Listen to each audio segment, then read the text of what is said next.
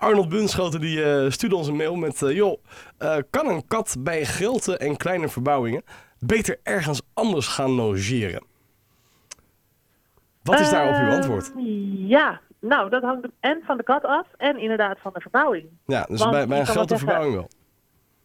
Ja, ja, dat is op zich wel fijn. Maar kijk, het is Ja, maar- natuurlijk ook zo als je bijvoorbeeld een, een kat hebt die eigenlijk altijd buiten is en je hebt een hele verbouwing van je hele huis behalve je keuken niet en je hebt geen idee waar je kat moet laten, dan is het natuurlijk een minder groot probleem. Maar als je ehm, gewoon een, een kat hebt die bijvoorbeeld een beetje bangig is of eh, helemaal nergens meer kan schuilen of weet ik veel wat, dan is het natuurlijk wel handig om hem een paar weken ehm, Ergens anders heen te brengen. oppas.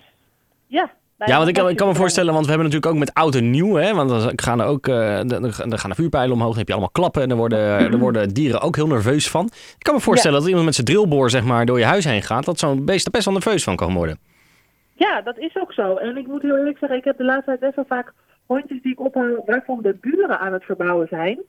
En dan vind ik dat eigenlijk ook allemaal heus niet leuk. Want dan denk ik, oh, die arme beesten zitten hier de hele dag, behalve als ik ze ophaal. Maar dan denk ik, hé, hey, dat is ook, ja, ze hebben ze wel helemaal hun eigen plek en daar zijn ze in principe helemaal relaxed. Maar het geluid wat daar vandaan komt is natuurlijk, Is dat stressvol voor beesten?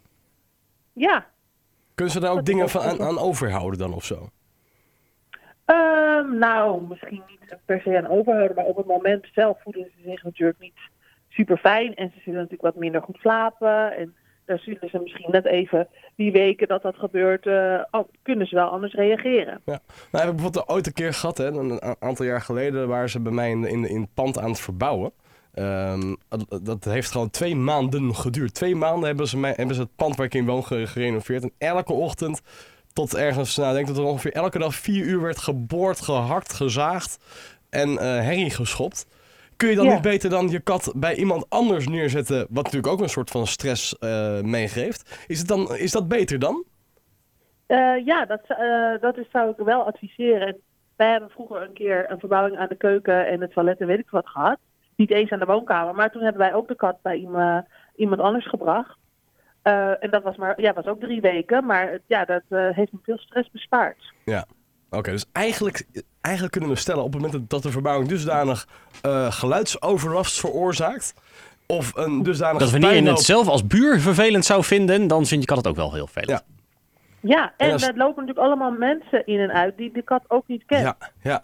en dus- vaak vinden kattenhouders gewoon van dingen die hetzelfde zijn. Ja. En als er dan allemaal mensen binnenkomen die je niet kent, ja, dat zou ik ook niet zo op zitten te wachten. Nee, Nee, precies. precies. Oké.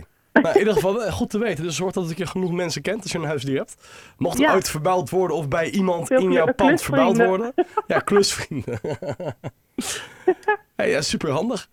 Ja, Top. dat lijkt mij ook. Gelukkig heb ik klusvrienden, dus dat scheelt. Nou, dat is... hey, Ariane, dankjewel. Ja, En gedaan. de groeten aan het beestenpartij.